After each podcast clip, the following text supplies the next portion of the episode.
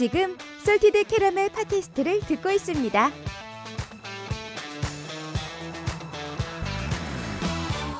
هلا ومرحبا معكم جواد من بودكاست كراميل المملح ايش رايكم في المقدمة الكورية؟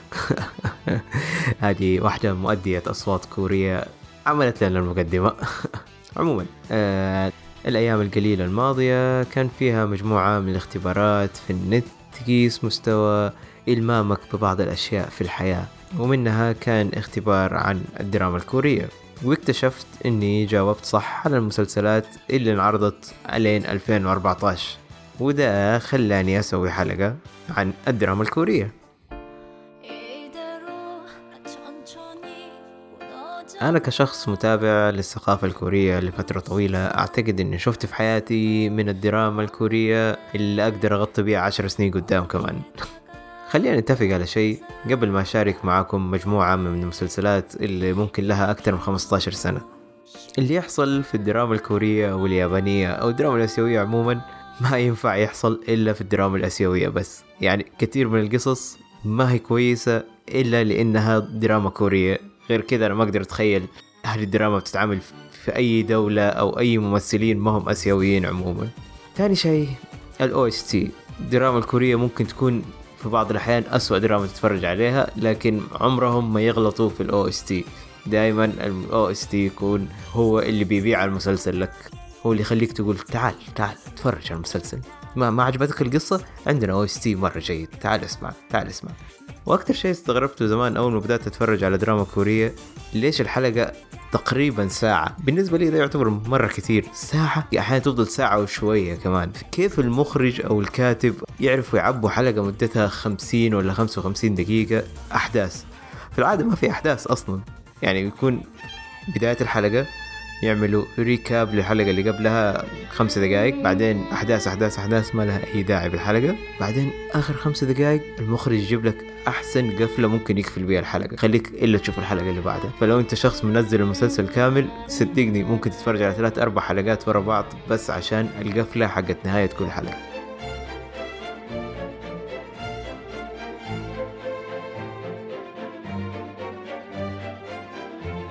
الحلقة الماضية ذكرت إنه أول دراما شفتها كانت You're Beautiful كأي شخص طبيعي المفروض إني أتابع المسلسلات اللي انعرضت في نفس السنة صح؟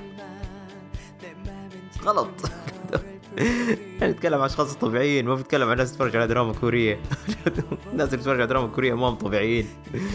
اللي حصل إني صرت أتابع مسلسلات قديمة مع أختي والبداية كانت بدراما اسمها Time Between Dog and Wolf من إنتاج 2007 أول شيء لفت انتباهي وقتها كان اسم الدراما. إيش يعني؟ إيش يعني Time Between Dog and Wolf وطلع إنه هو مقتبس من مثل فرنسي معناه الساعة اللي ما تقدر تفرق فيها ما بين الكلب والذئب أو بمعنى صح اللي هي الساعة اللي ما تقدر تفرق ما بين العدو والصديق. والاسم كان ملائم جدا لقصة المسلسل. لو حكيت القصة فيها حرق للمسلسل اللي ما شافه مع إنه انعرض من 2007 هي عن واحد أمه أمه وأبوه أعتقد ماتوا بسبب عصابة تايلاندية شيء زي كذا. وبعدين يتبناه مدير الاستخبارات كوريا ويتربى مع ولده وبعدين يدخل الاستخبارات ويصير موظف الاستخبارات. فيرسلوه في عملية سرية إن, إن هو ينضم للعصابة التايلاندية اللي قتلت أهله. وهناك في أحداث تانية تختلف تماما لما يدخل هناك. ده جزء بسيط من القصة.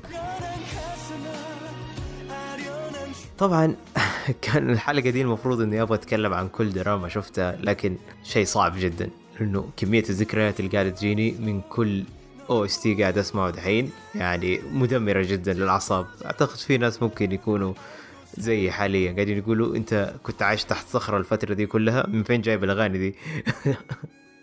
تفرجت بعدها على شيء أقدم وهي دراما رومانسي كوميدي باسم My Girl.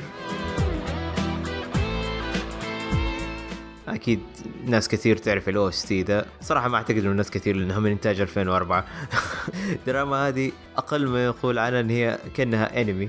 بيجيني انهيار عصبي كل ما أسمع ال OST حقه. بصراحة ما أكذب عليكم الدراما دي لها مكانة خاصة عندي. القصة أقرب لأي قصة shoujo manga. قصة بسيطة جدا ما فيها ولا شيء. عبارة عن مثلث الحب المعروف ولدين يحبوا بنت لكن الأحداث اللي بتصير مبالغ فيها لسنين ضوئية قدام. أي شيء تعرفه أو أي تعبير في الحياة تعرفه خده واضربه في ألف يطلع لك المسلسل ده. لا تتفرج عليه بأي شيء جدي. لكن في نفس الوقت هذه دراما كورية. ما ينفع يكون رومانسي كوميدي لنهاية المسلسل. لازم فيه لحظات حزينة في النص. لأنه زي ما إحنا عارفين مثلثات الحب ومربعات الحب ومعينات الحب اللي في كل الدراما الكورية اللي ما أعرف ليه العالم فيه 3 مليار أنثى لازم اثنين يحبوا نفس البنت.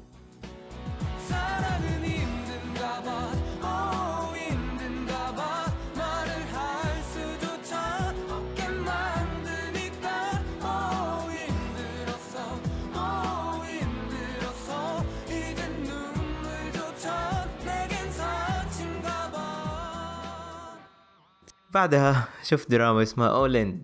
أنا قاعد أتذكر الدرامات اللي أنا تفرجتها وأنا قاعد أقول أوه الدراما دي فعلا أنا فاكر أحداث منها. All In بغض النظر عن إنها دراما قديمة جدا والإخراج فيها ما هو أحسن إخراج ممكن تشوفه في الحياة لكنها تظل أحد المسلسلات اللي تفرجت عليها وأفتكر أحداث كثير منها وأفتكر هذا ال OST الرائع.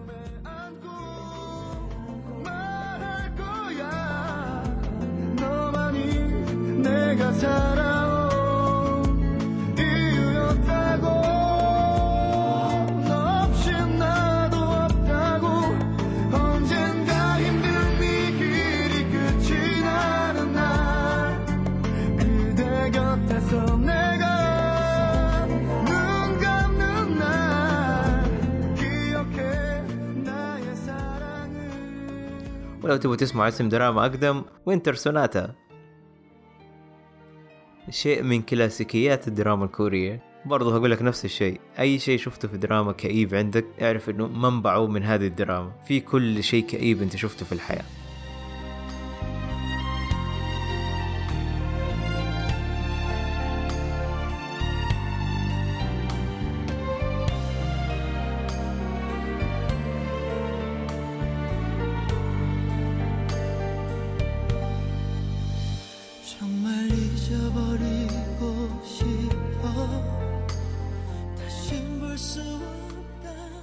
وبعدها شفت دراما أعتقد إني المفروض ما كنت اشوفها لو تعرف ال OST ده من Running Man أحب أقول لك إنه من دراما اسمها سلم للسماء من إنتاج 2003 شكرا لبرنامج Running Man اللي خلى هذا ال OST الأسطوري مجرد ميم يطلع لما يحصل شيء درامي في الحلقة.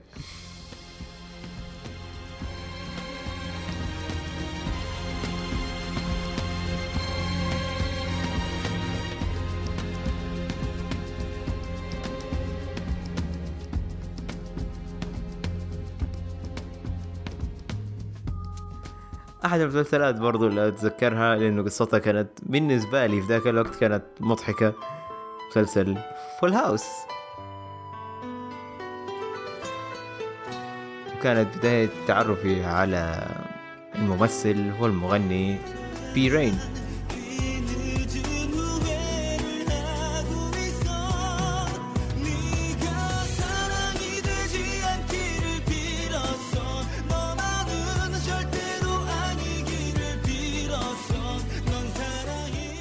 ومجموعة كبيرة من الممثلين اللي مثلوا في هذا المسلسل. وشفتهم في مسلسلات كثير بعد كذا.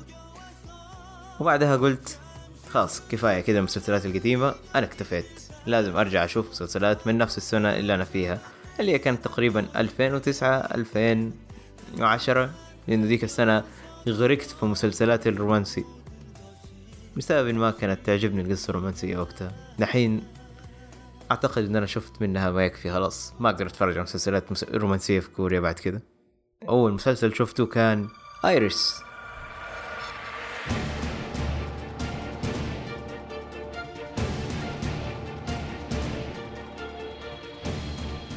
كانت بالنسبة لي صدمة.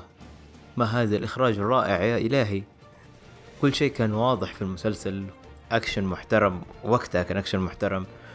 ولو تابعت أي دراما زي ما أنا تابعت من بداية الألفينات هتلاحظ إن المخرجين كانوا كسالة. يعني ممكن في نص المشهد تشوف المايك طالع في المشهد وكلنا شايفينه والمخرج تحس إنه كأنه يقول ما راح أعيد المشهد عشان المايك ظهر كل الناس عارفين إحنا بنصور بمايك. آه المشهد كان كويس. سيب سيب المايك. آه الناس ما حد ما حدا يهتم. ما حدا يهتم. بعدها لما شفت دراما ايريس قلت أوه الكوريين قادرين على إنتاج شيء أكشن محترم. أو أنا اللي أقدر أقول إنه كان معياري هو اللي طايح جدا بالنسبة للدراما الكورية. لأنه فعليا المقارنة فيها إجحاف شوية للمخرجين لأنه إيش كانت تقنيات الكاميرا في 2000 و2001 2003 و4 مقارنة ب 2009 و2010 ما كان ال 1080 اخترع لسه. كانوا الناس بيصوروا ب 420 p دحين بيصوروا ب 1080 و 4K وبعدها قررت أتفرج وأمشي في مسار المسلسلات الأكشن زي ما قلت لكم Iris وبعدها شفت مسلسل كان وقتها أطول مسلسل تابعته في حياتي وهو East of Eden أو East of عدن وكانت قصة فيها في حقبة الستينات وكادر ممثلين جدا كبير والأو إس تي حقه مستحيل يتنسي.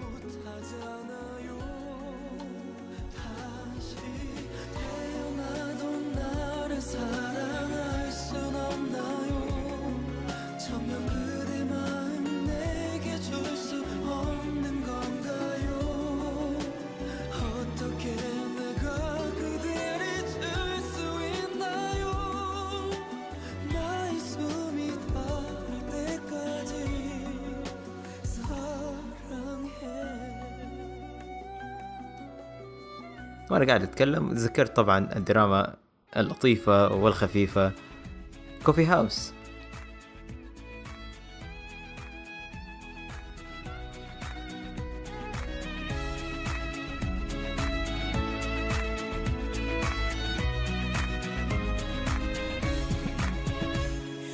وكانت هذه الدراما هي اللي عرفتني على إن جونج إنها تعرف تمثل.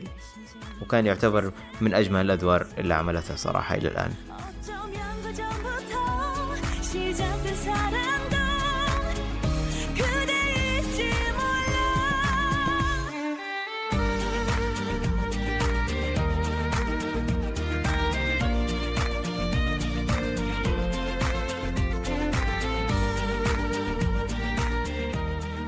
بعدين في دراما من الدرامات برضو أنا أحيانا أقول درامات أحيانا أقول مسلسلات. صراحة زي ما بتيجي على لساني بقولها ما فيها اعدل كل شيء. آه، أحد الدرامات اللي تعجبني وأتذكرها بشكل كويس دراما آه، قناع العروس.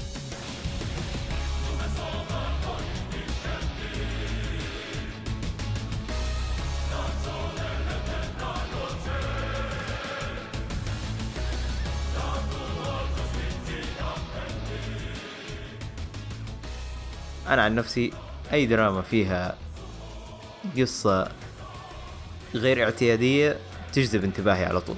في ناس يقول لك لا أنا أحب القصص آه، شريحة عن الحياة شريحة من الحياة وما أحب الأشياء اللي فيها آه، سوبر هيروز ولا فيها شيء ما هو منطقي عموما فما يتفرجوا عليه.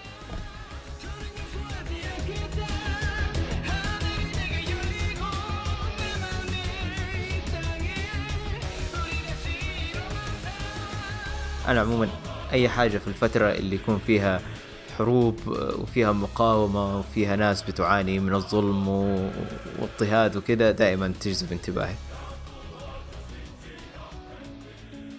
وبعدها جت فترة تفرجت على مسلسلات سياسية ومسلسلات تتكلم عن الفساد ومسلسلات تتكلم عن المحامين. ويا مكتر مسلسلات المحامين في كوريا. أتوقع إنه أنا لو رحت كوريا ما أحتاج أعين أي محامي لو تمسكت في أي جريمة. الدستور الكوري هنا. هنا هنا هنا في دماغي هنا جوا. حافظ كيف أترافع؟ متى يكون الشاهد صالح ومتى ما يكون صالح. بس تعرف في درامات ما هي مكررة ابدا. زي دراما Great Love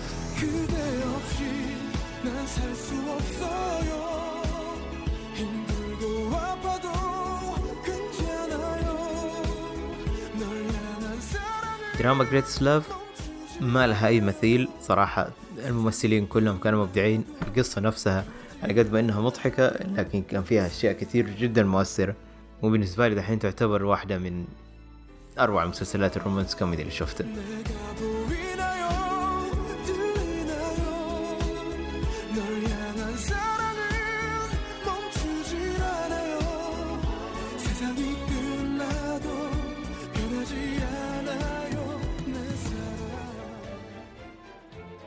ودراما زي My Man from Another Star دراما دراما هذه بالنسبة لي تعتبر دراما عبقرية إلى حد ما. والسبب يرجع إنهم عرفوا يتكلموا عن حياة المشاهير بس ما كان هو الشيء المباشر اللي إحنا بنتكلم عنه. القصة كانت عن واحد جاي من الماضي وعنده قدرات خارقة. تفتكروا القصة؟ لكن إنه هو صار manager لنجمة مشهورة. وكيف هو بيساعدها في مشاكل الحياة؟ لأنه أحيانا تحتاج رجل خارق عشان يساعدك في هذه الأمور. وتعاملوا مع كل القضايا اللي تعامل معها المشاهير بما فيهم تقريبا كان ايحاء لمشكلة تيارة مع المجتمع. وبعدها وبعدها دراما أخرى لها ذكرى معايا خاصة وهي دراما دكتور سترينجر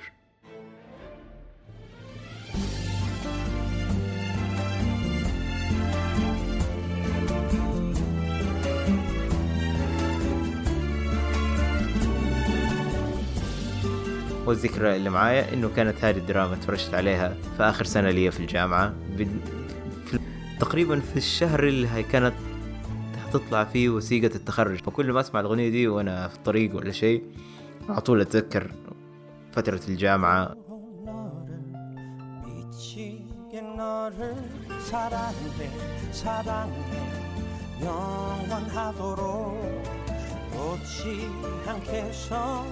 너를 미치게 너를 사랑해 사랑해 영원하도록 놓지 않겠어 널 찾을 거야 I'm just a stranger without you my love في مجموعة درامات افتكرها انها كانت خارجة عن المألوف زي هيلر و كيل مي هيل مي كانت دراما رائعة جدا تتفرج عليها بمنظور انها كوميدي تستمتع تتفرج عليها بمنظور انها سلايس اوف لايف تستمتع. وأنا كان في مشاهد كثير أثرت فيها بالمسلسل ده. مع إنه المفروض إن هو أعتقد كان الحبكة حقته إنه يكون كوميدي لكن ما أعرف سبب ما تأثرت في أشياء كثير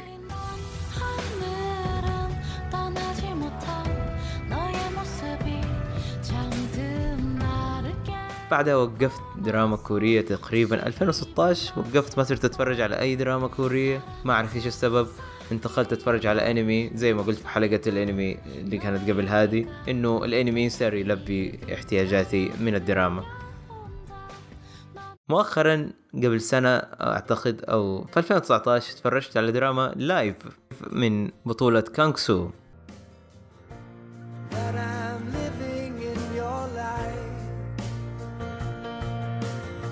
وهذه الدراما انعرضت أو إني تفرجت عليها في وقت كانت في أشياء كثير من اللي بتحصل فيها مماثلة للأشياء اللي أنا بمر بيها فكان الارتباط هذا ارتباط غير حميد بالنسبة لي. لأنه قاعد اتفرج آه أنا عارف شعورك. بالذات في اللحظة اللي هو تعين في قسم الشرطة وبدأ هو يسوي أشياء بطريقته والناس اللي فوق يقولوا له لا أنت تسوي ده غلط والعناد اللي بينه وبين رئيسه المباشر. هذه كلها أشياء أنا كنت بمر بيها في وقتها. وكان شيء سيء بالنسبة لي أنا أخرج من المكتب أروح البيت أتفرج على مشهد بيمثل تقريبا نفس اللي كنت بمر بيه من شوية. قاعد أقول له خلاص خلاص امشي مع مديرك مشي كلام مديرك مو لازم تعاند ما في شيء كويس منك تعاند. ارتباط بالشخصيات ما أعرف هل هو شيء كويس ولا لا لكن بالنسبة لي كان مشاعر مختلطة ما بين إنه أوه الدراما دي تمثلني وفي نفس الوقت أوه ما أبغى شيء كذا أبغى شيء بعيد عن الواقع شوية.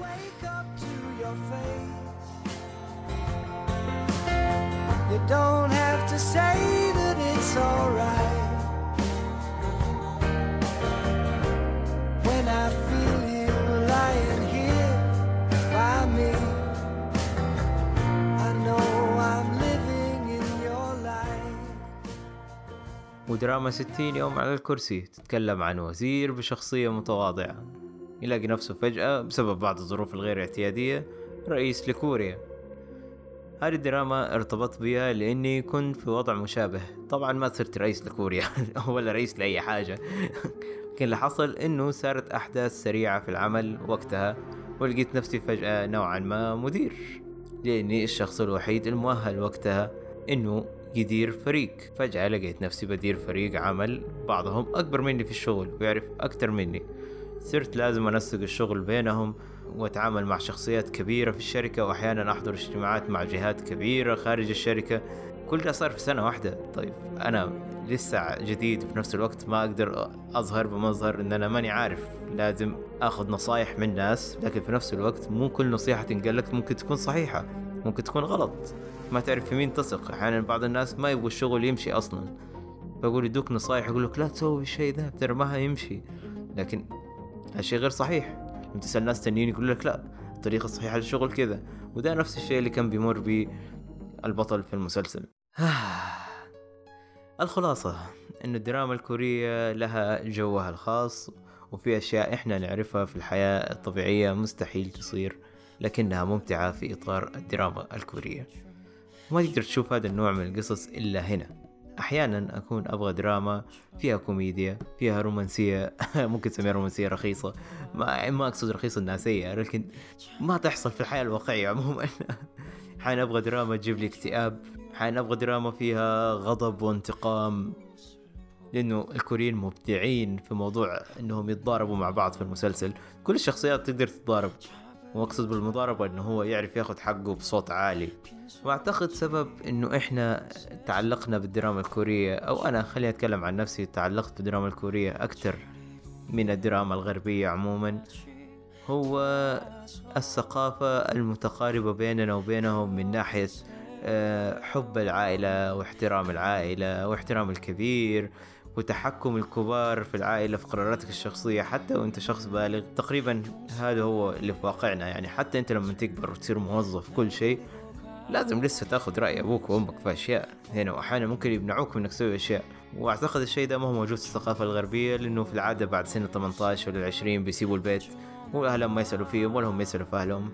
لكن هنا الوضع مختلف. أقدر أشوف إنه شخصيات جايبينها مثلا مدير شركة أو شيء لكن لسه بياخد أوامر من أبوه وأمه لأنهم عيلته ولازم يحترم كلمتهم.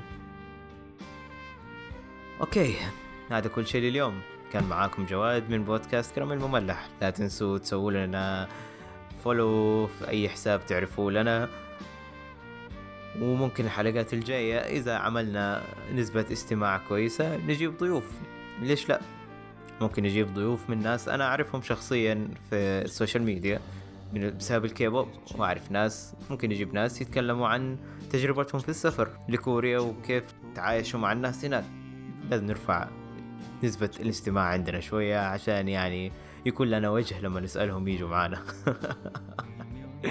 نشوفكم الحلقة الجاية. 구슬